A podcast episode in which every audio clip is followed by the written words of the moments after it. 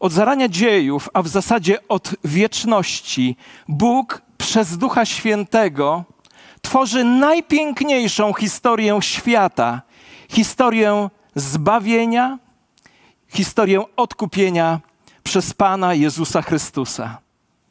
To jest najpiękniejsza, miłosna historia świata. W drugiej, w drugiej księdze Mojżeszowej czytamy o tym, jak pewnego razu Bóg spotkał się na górze z Mojżeszem i nadał ludowi swojemu prawu. Znamy tę historię, uczyliśmy się jej i na religii, może i w szkole. To prawo, które Bóg wówczas ofiarował, to był naprawdę cenny prezent dla ludzkości, dla człowieka. Mojżesz przebywał z Bogiem na górze przez 40 dni. A czy pamiętacie, co stało się wówczas u podnóża gór? Co w tym czasie zrobił lud oczekujący na powrót Mojżesza u podnóża gór? Czytamy, że zanim Mojżesz wrócił, lud zaczął czcić innego Boga. A Mojżesz, który po powrocie to zobaczył, tak się rozzłościł, że tablice, na których było zapisane Boże prawo, rzucił o ziemię i rozbił, a prawo zostało złamane. Sytuacja była wówczas tak straszna, że Mojżesz powiedział do ludzi, a w zasadzie Bóg przez Mojżesza powiedział następujące słowa: Tak mówi Bóg, Pan Izraela. Każdy z was niech przepasze miecz do boku. Przejdźcie tam i z powrotem od jednej bramy w obozie do drugiej i zabijcie. Kto swego brata, kto swego przyjaciela, kto swego krewnego. Synowie Lewiego uczynili według rozkazu Mojżesza i zabito w tym dniu, posłuchajcie ilu, około trzech tysięcy mężów. Co się więc stało? Wypełniło się prawo, które mówiło, że zapłatą za grzech, zapłatą za przestępstwo jest śmierć. Bo grzech to złamanie prawa. Złamanie prawa spowodowało śmierć. Prawo w założeniu było dobre, ale ponieważ my nie jesteśmy dobrzy, stało się okazją dla wroga, by nas zniszczyć przez grzech. Trzy tysiące ludzi wówczas zginęło. Minęły lata. Po niebostąpieniu Jezusa apostołowie siedzieli razem w małym pomieszczeniu, czekając na obietnicę zwaną Duchem Świętym. Wiedzieli już nieco o Duchu Świętym, wiedzieli chociażby z Księgi Rodzaju, że Duch Święty był na świecie. Ja lubię przekład Biblii Gdańskiej, który mówi, że podczas stworzenia Duch Święty unaszał się nad wodami. Duch Święty czuwał nad stworzeniem świata, wód, lądów, ryb, które wypełniały morze. Duch Święty zawsze był tam, ale Jezus powiedział, że Jego Święty Duch przyjdzie w szczególny sposób po tym, jak już On wstąpi do Ojca. I czytamy, że kiedy nastał wreszcie dzień pięćdziesiątnicy, znajdowali się wszyscy razem na tym samym miejscu.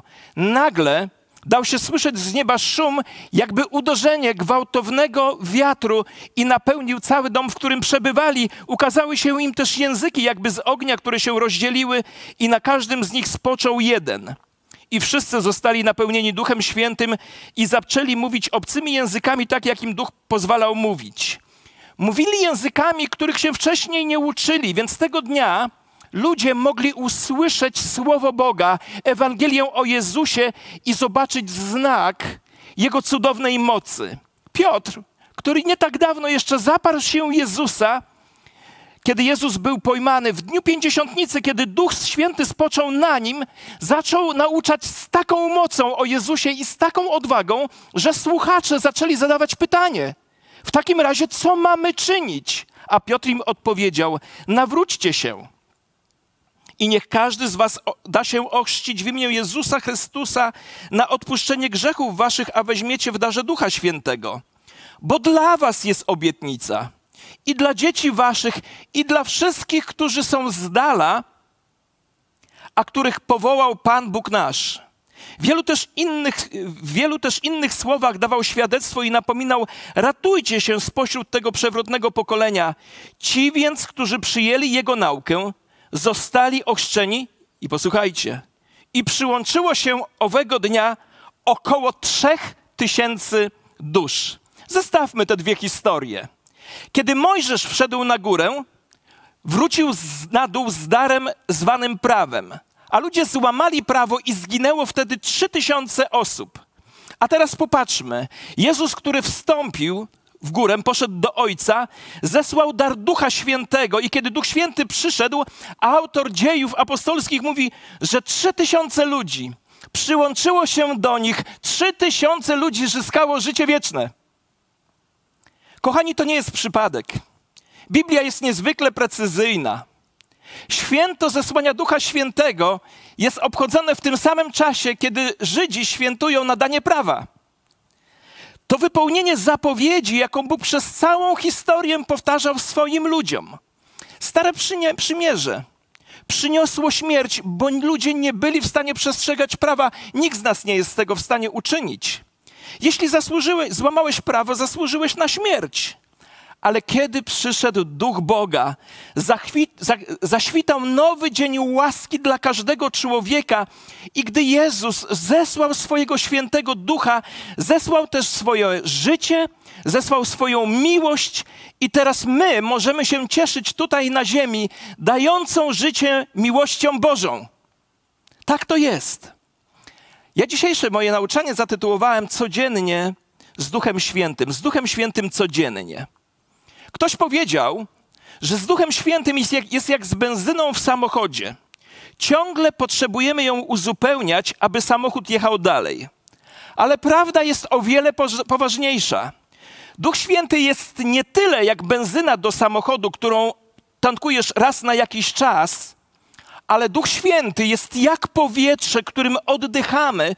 My Ducha Świętego potrzebujemy każdej sekundy naszego życia, każdej minuty, każdej godziny, w każdej chwili. Wiecie, mam tu przed sobą moją komórkę. I chciałbym pewien przykład z tej, związany z tą komórką użyć. Wiecie, na tej komórce, pewnie za chwilę ją będzie widać wyraźniej, mam bardzo wiele aplikacji. Kiedyś pokazałem, wszyscy byli zadziwieni, że aż tyle. Mam mnóstwo aplikacji. Mam aplikację z Biblią, aplikację ze słownikiem greckich słów, mam słownik biblijny, mapy i wiele, wiele różnych pożytecznych rzeczy. Ale czy wiecie, co musi posiadać ta komórka? Co musi posiadać, żebym mógł wgrać te pożyteczne aplikacje? On musi posiadać tak zwany system operacyjny. A system operacyjny to jest takie oprogramowanie, które zarządza całym systemem tej komórki. On, on, tworzy środowisko dla uruchamiania i kontroli każdego zadania, którego się podejmuje. On zajmuje się planowaniem przydziału czasu procesora i poszczególnym zadaniom. On przydziela pamięć do zadań. On dostarcza mechanizmy, synchronizuje zadania. On obs obsługuje cały sprzęt. On buduje powiązania z innymi. Mówiąc bardzo prosto, dzięki temu systemowi operacyjnemu ta komórka może dzia prawidłowo działać i umożliwiać, posłuchajcie tego uważnie, i umożliwiać lub uniemożliwiać wgrywanie aplikacji. Jeśli system operacyjny działa prawidłowo, to mogę wgrać tylko i wyłącznie te aplikacje, które są zgodne z tym systemem operacyjnym. I chcę dzisiaj powiedzieć to wyraźnie, używając tego przykładu, że Duch Święty jest systemem operacyjnym, a nie jedną z wielu tych aplikacji. To Duch Święty jest systemem operacyjnym życia wierzącego człowieka, a nie jakąś dodatkową, poboczną aplikacją. Paweł jasno powiedział, apostoł Paweł powiedział bardzo jasno, że jego jedyną nadzieją na skuteczne i zwycięskie życie i nauczanie był duch Boga i moc Boga działającego w nim. A jeśli duch działa w nim, to działa także przez niego na zewnątrz. Posłuchajmy o tym z listu do Koryntian. Tak też i ja, przyszedłszy do was, bracia, nie przybyłem, aby błyszcząc słowem i mądrością głosić wam świadectwo Boże. Postanowiłem bowiem, będąc wśród was, nie znać niczego więcej, jak tylko Jezusa Chrystusa i to ukrzyżowanego. I stanąłem przed wami w słabości i w bojaźni i z wielkim drżeniem, a mowa moja i moje głoszenie nauki nie miały nic z uwodzących przekonywaniem słów mądrości, lecz były ukazaniem ducha i mocy, aby wiara wasza opierała się na mądrości, nie na mądrości ludzkiej, lecz na mocy Bożej. Zilustruję to przykładem mojego kaznodziejstwa. Wiecie, mogę przygotować piękne, elokwentne, głębokie i bardzo wzruszające kazanie. To jest trudne, ale nie najtrudniejsze. Najtrudniejsze jest wiedzieć, które przesłanie mam przygotować. Kiedyś, gdy przygotowywałem kazanie, gdy już przygotowałem kazanie, to prosiłem Ducha Świętego, aby to użył. Lecz później zobaczyłem i odkryłem, że o wiele skuteczniejsze jest proszenie o Ducha Świętego, by On pokazał mi, które przesłanie będzie najlepsze. Bo to, co mogę zrobić, to stanąć przed Wami w poddaniu się Duchowi Bożemu. Duch Święty, On nie jest tylko częścią mojego kazania. On nie jest jedną z aplikacji dopiętych do mojego kazania i życia. On jest motorem absolutnie wszystkiego. Jeśli coś jest dobrego w tym nauczaniu, to jest tylko i wyłącznie za sprawą Ducha Świętego. I kiedy już zaczynasz to rozumieć, to nie musisz się martwić o swoją własną elokwencję, mądrość, bo masz świadomość, że to, czego desperacko potrzebujesz, to Bożego Świętego Ducha. Duch Święty to dużo więcej niż to, czego doświadczasz, gdy podczas uwielbienia grają Twoją ulubioną piosenkę, a Ty masz tutaj na całym ciele gęsią skórkę. Bo ja mam gęsią skórkę, gdy słucham piosenkę Jolka, Jolka, pamiętasz lato bez... Duch Święty nie jest jakimś uczuciem. Duch Pana nie jest jakimś dodatkiem do niedzielnego nabożeństwa czy życia. Duch Święty jest źródłem całej mojej i Twojej siły i mocą Twojego i całego mojego życia. Wiecie, spędziłem wiele godzin na dyskusjach o tym, jak opisać Ducha Świętego. Ale dzisiaj wiem, że najważniejsze jest, jak być mu po, prostu posłusznym. Najbardziej potrzebujemy Ducha Świętego nie tylko wtedy, kiedy śpiewamy w kościele, ale przede wszystkim wtedy, kiedy każdego dnia potrzebujemy podjąć dziesiątki rozmaitych decyzji i kiedy wchodzimy w dziesiątki rozmaitych relacji. Duch Święty jest osobistością, z którą potrzebujemy być w kontakcie przez całe nasze życie. I kiedy w końcu otworzymy dla Niego swoje życie, to przez odkrycie tego, co Bóg mówi i przez Boże Słowo o Duchu Świętym, to zaczyna nas zmieniać od wewnątrz. Mówiąc więc językiem komputerowym, Duch Święty jest systemem operacyjnym, a nie jedną z tych aplikacji. Inaczej mówiąc, on nie jest jednym z tych prostokącików na ekranie, ale jest ekranem, na którym są właściwe kwadraciki. Po drugie, bardzo ważne, Duch Święty daje pokorę, a nie arogancję. Wiecie, myślę, że to jest jeden z najważniejszych punktów, bo to jest jedna z głębszych prawd. I wiem, co mówię z własnego doświadczenia, i też znam ludzi, którzy twierdzą, że mają różne duchowe dary i obnoszą się z nimi, jakby było, były wytworem ich własnej pobożności, czy szczególnych, wytworem szczególnych zasług. Ja dokładnie robiłem tak samo i ciągle mi się to zdarza. Modliłem się głośno innymi językami i muszę Wam się przyznać, że czasami nadal mi się to zdarza, że modlę się głośno językami, nie żeby Bóg mnie usłyszał, ale żeby usłyszał mnie sąsiad, który obok mnie stoi. Jaki to ja duchowy jestem. Bóg tego nie, nie potrzebuje, bo On ma tak wyostrzony słuch, że zanim wypowiem słowo, On zna już całe zdanie. Ale modliłem się po to, żeby ludzie słyszeli obok mnie, że ja mam też to i że jestem tak bardzo duchowy. A niech wiedzą inni, jakim mężem Bożym jestem. Bo jak nie mogę poko- pokazać swojej duchowości pokorną, uniżoną służbą, będącą efektem owocu ducha, to przynajmniej na niedojrzałych ludziach zrobię wrażenie. Bo na pewno na dojrzałych i na Panu Bogu wrażenia nie zrobię. Bogu się nawet taka postawa nie podoba. Pamiętam, jak podczas pewnego spotkania, na którym, podczas którego Bóg dokonywał poruszenia, ja, jak wielki gigant wiary, poruszałem się tak, by ludzie widzieli, jakim to wielkim mężem Bożym jestem. I jak obserwowałem, że ktoś już coś przeżywa z Duchem Świętym, to ja już koło niego stałem, już nakładałem swoje ręce, żeby czasem nie pomyślał, że to Duch Święty bezpośrednio zadziałał, tylko jak krzyż zaręba położył na nim ręce. Wstydzę się dzisiaj tego, ale mówię to ku przestrodze. Kładłem ostentacyjnie ręce, by zaznaczyć mój wkład, żeby pamiętali o tym, że bez mojego włożenia ręk to by było takie niepełne. Wiecie, co ja chciałem? Chciałem się po prostu wypromować na Duchu Świętym. Chciałoby, chciałem, by wyglądało, że to ja mam monopol na Ducha Świętego. Pamiętam, jak ludzie mówili: Chcesz przeżyć przez Duchu Świętym? Idź do zaręby. Chcesz coś doświadczyć z Duchem Świętym? Jedź na obóz do Zaręby. Pamiętajcie i weźmy to sobie do serca. Żaden człowiek, żadna grupa wyznaniowa czy kościół, żaden, jakkolwiek by się nazywał, nie ma monopolu na Ducha Świętego.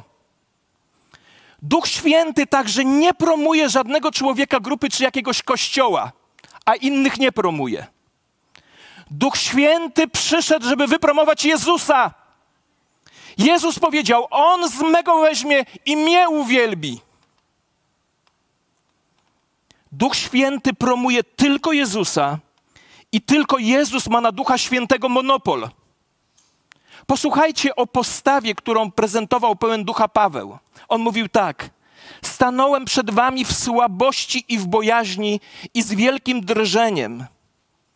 Duch Święty więc ma nam nie służyć za broń do, do bicia innych ludzi po głowie i pokazywania tego, jak jesteśmy duchowi, a oni nie. Po trzecie, bardzo z tym związane, Duch Święty buduje jedność wśród wierzących, a nie podziały. Głównym celem Ducha Świętego jest między innymi jest kierowanie ludzi do Jezusa Chrystusa i ratowanie z ich z grzechu. Gdy On przyjdzie, powiedział Jezus, przekona świat o grzechu, o sprawiedliwości i o sądzie. Bycie pełnym Ducha Świętego nie musi się wiązać z posiadaniem pewnego rodzaju liczby umiejętności, ale ze stałym towarzyszeniem Boga, który przekonuje, pociesza, pobudza i ocala. Chcecie wiedzieć, czy Kościół jest pełen ducha? To niekoniecznie patrzcie na to, jak pobudzeni czy nakręceni są ludzie, gdy się schodzimy na nasze nabożeństwa. Bo gdyby tak było, to stadion w trakcie meczu piłkarskiego byłby wypełniony duchem, bo ludzie są jeszcze bardziej nakręceni niż my tutaj. Zawsze mnie to dziwi, że ludzie na stadionie piłkarskim są bardziej podekscytowani spotkaniem z okrągłą kulą, niż my, kiedy przychodzimy spotkać się z Bogiem.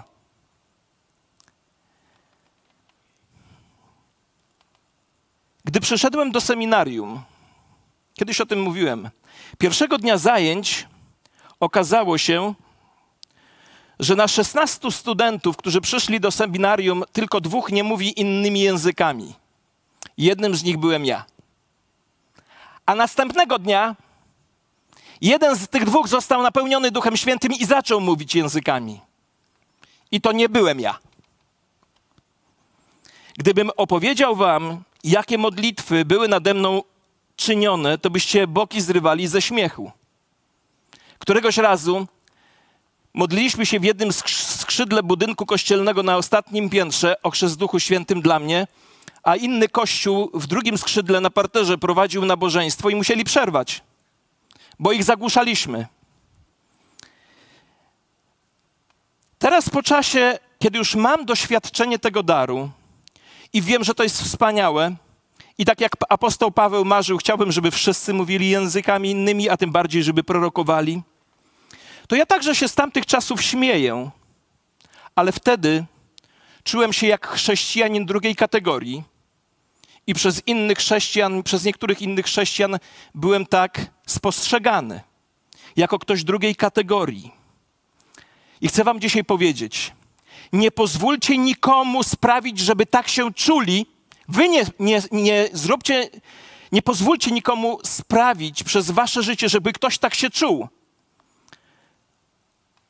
I nie pozwólcie, żebyście Wy się tak czuli, bo to jest nieprawda. Bo kiedy Bóg wkroczył w Twoje życie i w moje życie, to przyniósł już do tego życia wszystko. Wszystkie swoje dary, całą swoją moc. Wiecie, często się dzieje tak, że w kościele ludzie tworzą podziały, takie klasy według chrześci- wewnątrz chrześcijaństwa, oparte o pewnego rodzaju przeżycia, doświadczenia, które po przeczytaniu, co mówi o tym Pismo Święte, okazuje się, że nie są wcale miernikami duchowości. Prezent nie świadczy o osobie, która ten prezent otrzymuje.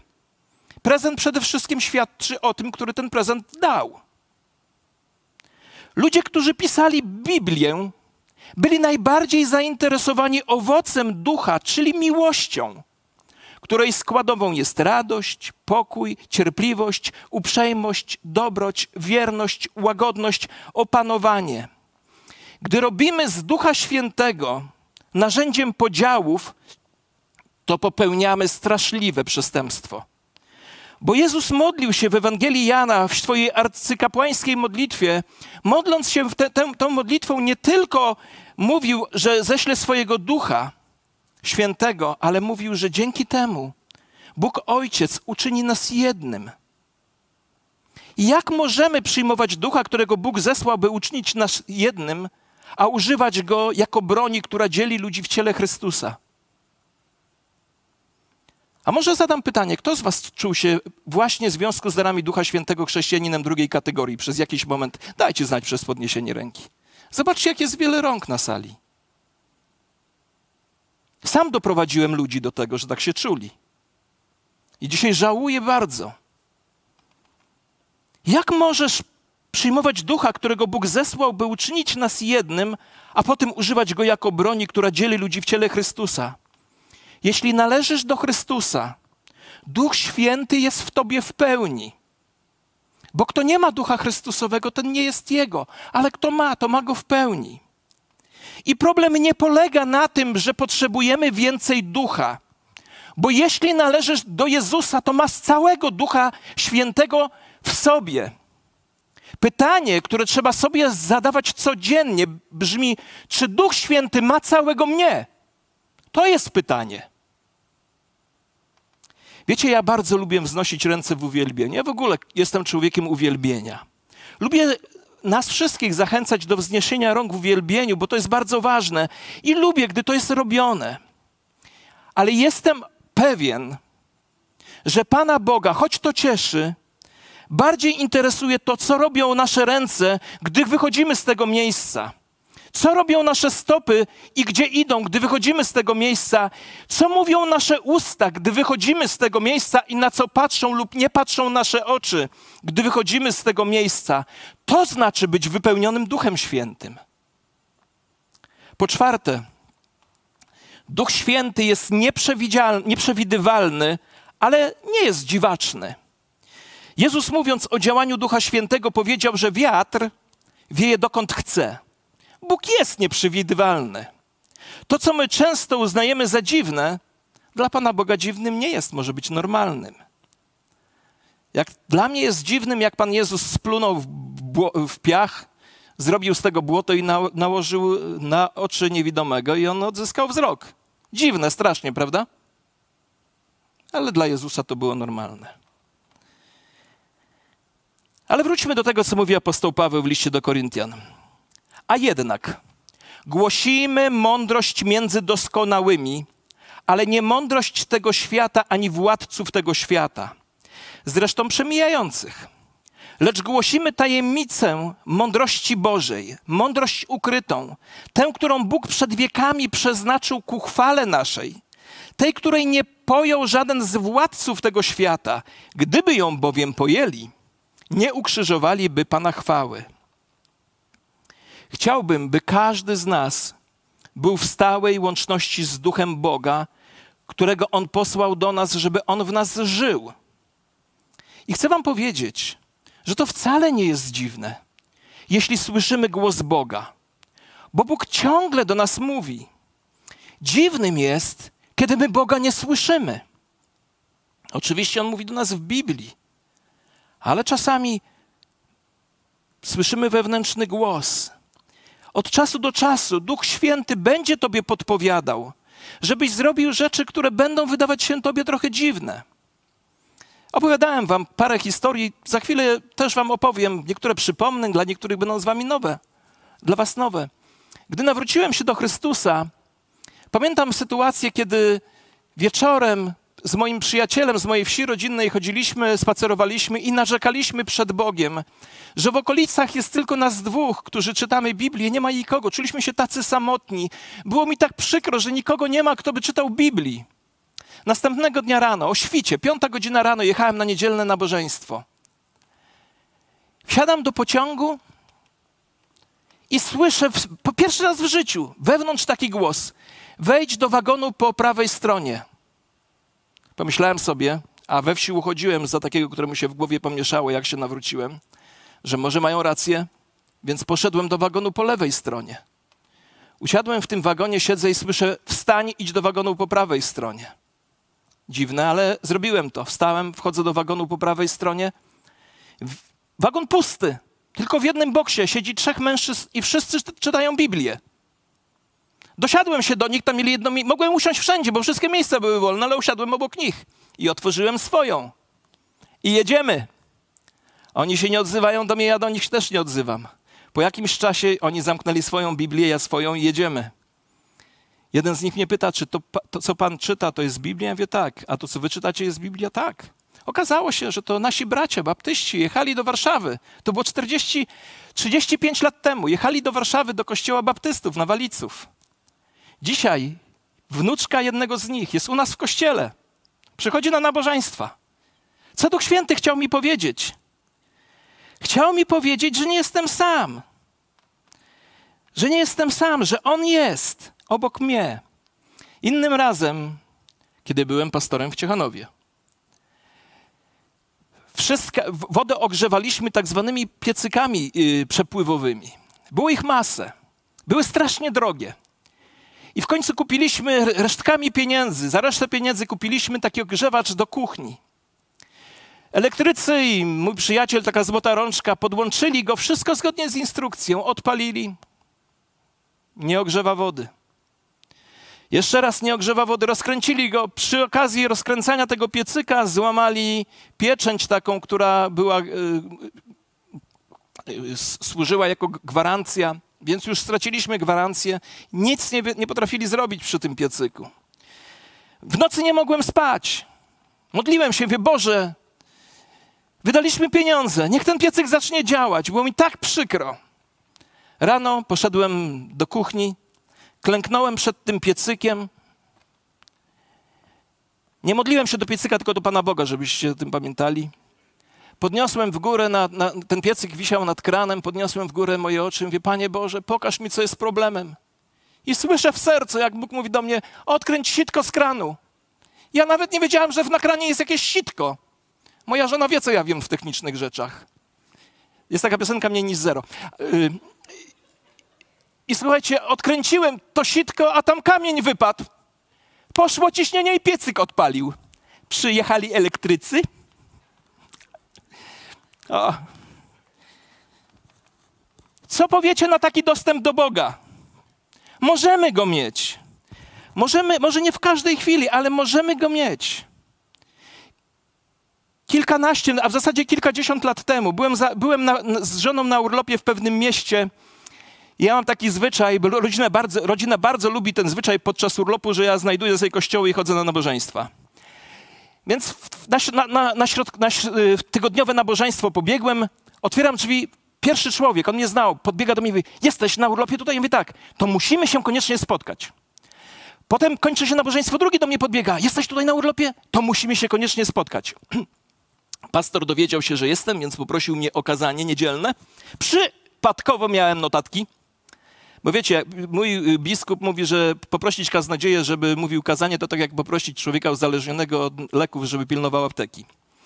Więc ja mniej więcej tak podróżuję. I rano w niedzielę, gdy jechałem na to nabożeństwo, brałem prysznic, słyszę, miałem przygotowane kazanie, a słyszę inny tekst. Królestwo, które jest rozdwojone, nie ostaje się same w sobie. Mówię sobie, ale mi strzelił do głowy jakiś pomysł. Odsunąłem tę myśl. Potem jadę samochodem, znowu ta myśl. Wchodzę do, do tej kaplicy, znowu ta myśl. Była tak silna, że zacząłem od tego kazania. Ten kościół zawsze mi się wydawał jak, jak monolit. I stanąłem i powiedziałem: Słuchajcie, dostałem takie słowo, że królestwo, nie wiem o co chodzi, że królestwo, które jest rozdzielone, nie ostoi się, więc zróbcie wszystko jako kościół, żeby być razem blisko Jezusa i siebie nawzajem. I tyle. Okazało się, że tych dwóch ludzi, którzy mnie zaczepiło, wyciągnęli część, każdy oddzielnie wyciągnął część ludzi z kościoła, a potem to wszystko się rozsypało. Ale powiedzieli, że to pastor mnie nastawił. Nikt mnie nie nastawił. Duch Święty chciał ostrzec ten kościół przed podziałem. A co jeśli Bóg chce dać Tobie słowo dla ludzi, którzy żyją obok Ciebie? Co jeśli Bóg chce Tobie powiedzieć coś, co masz zrobić, lub coś, co masz zaniechać? Pismo mówi o Bogu tak.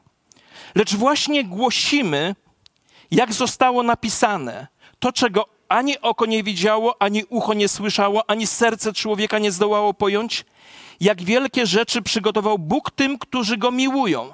Nam zaś objawił to Bóg przez ducha. Duch przenika wszystko, nawet głębokości Boga samego.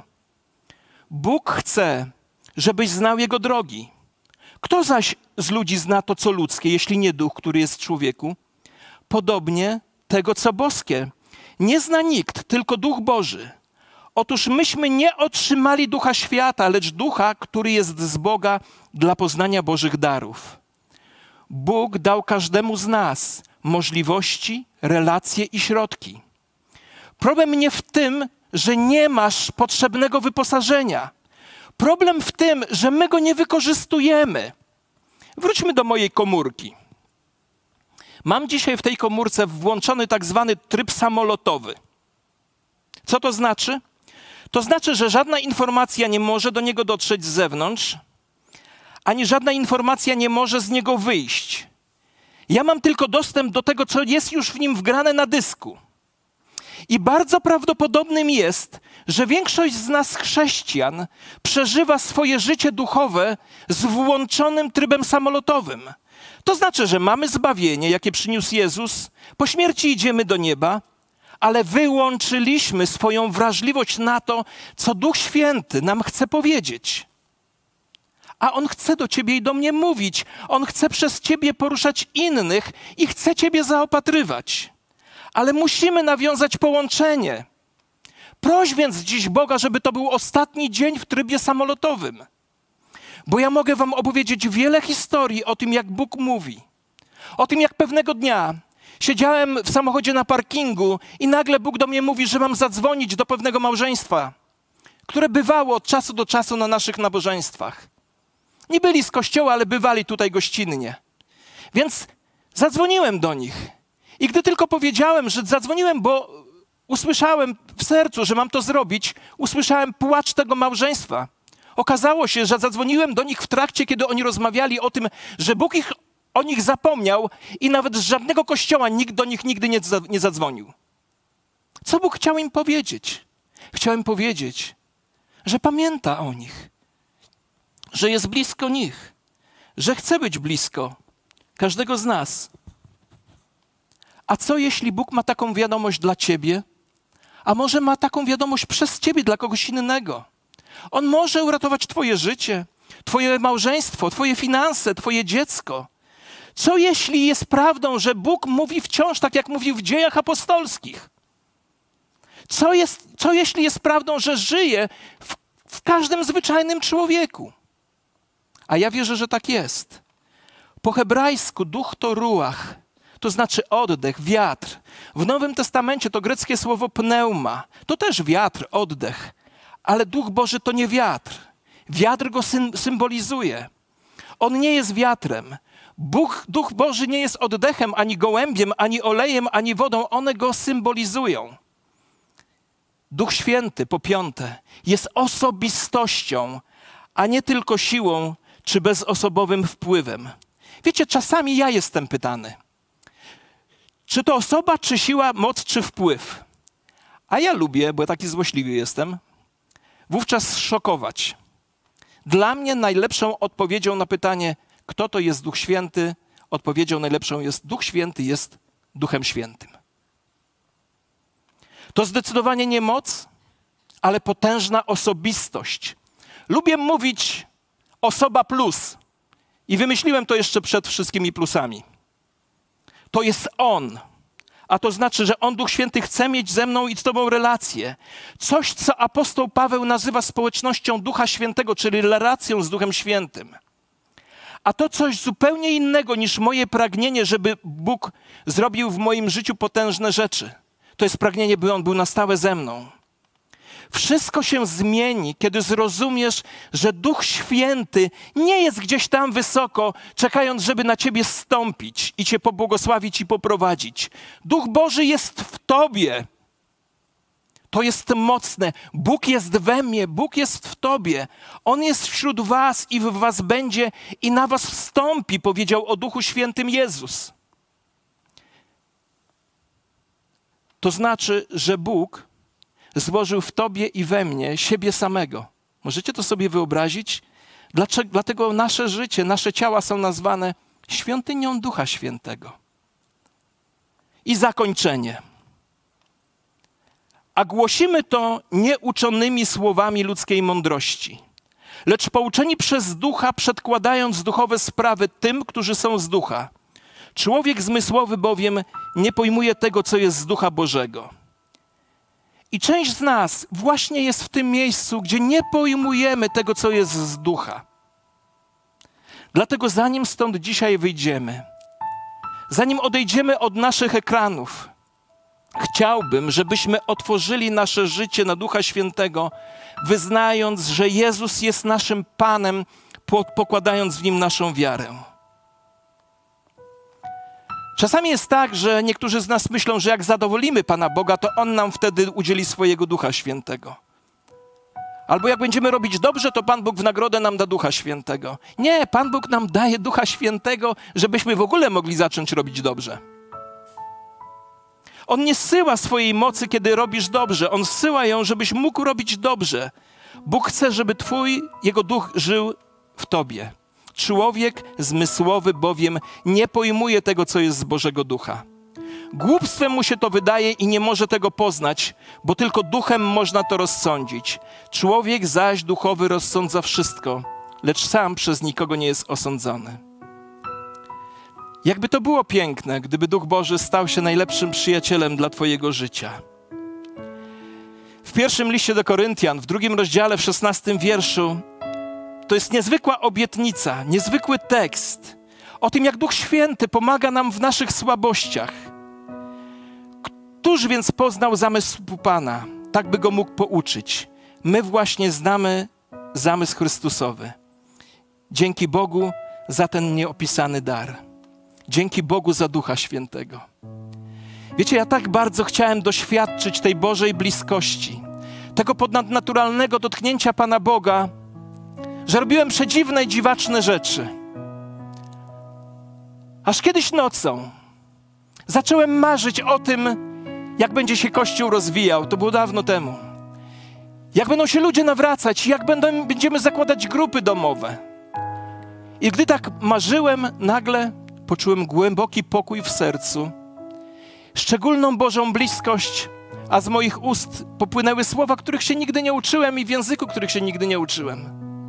Cieszyłem się z tego powodu, ale najpiękniejsze było to, że Bóg spełnił wszystkie moje marzenia, które tego dnia, tej nocy przedłożyłem przed Jego oblicze. Duch Święty jest tutaj. Chce manifestować się przez Twoje życie, bo w Tobie już mieszka. Pytanie nie jest, czy potrzebujesz więcej ducha, bo on jest cały w tobie. Pytanie jest, czy chcesz być mu, czy on bardziej ma, czy on więcej ma ciebie. a On mnie, chce Ciebie i mnie mieć w stu procentach. Powstańmy, proszę. I na znak tego, że chcemy Mu się poddać, jeśli chcesz dzisiaj Mu się poddać i powiedzieć, Boże, zawładnij całkowicie moim życiem, wyciągnij do Niego ręce w górze, do góry. Przed ekranem telewizoru czy komputera zrób to samo. Jeśli chcesz, by Duch Święty zawładnął Twoim życiem jeszcze bardziej, to wznieś swoje ręce na znak, że tego chcesz. Panie, dzisiaj wznosimy nasze serca i dłonie do Ciebie w niebie. Dziękujemy Ci, że mieszkasz w nas. Ale dzisiaj, stojąc przed Tobą, chcemy, żebyś wziął nasze życie w swoje ręce, ogarnął nas całkowicie, żebyśmy w stu procentach w każdej dziedzinie naszego życia byli pod Twoim panowaniem. O to Ciebie prosimy, stąp na nasze życie i prowadź je ku Twojej chwale i ku Twojemu zwycięstwu. Amen.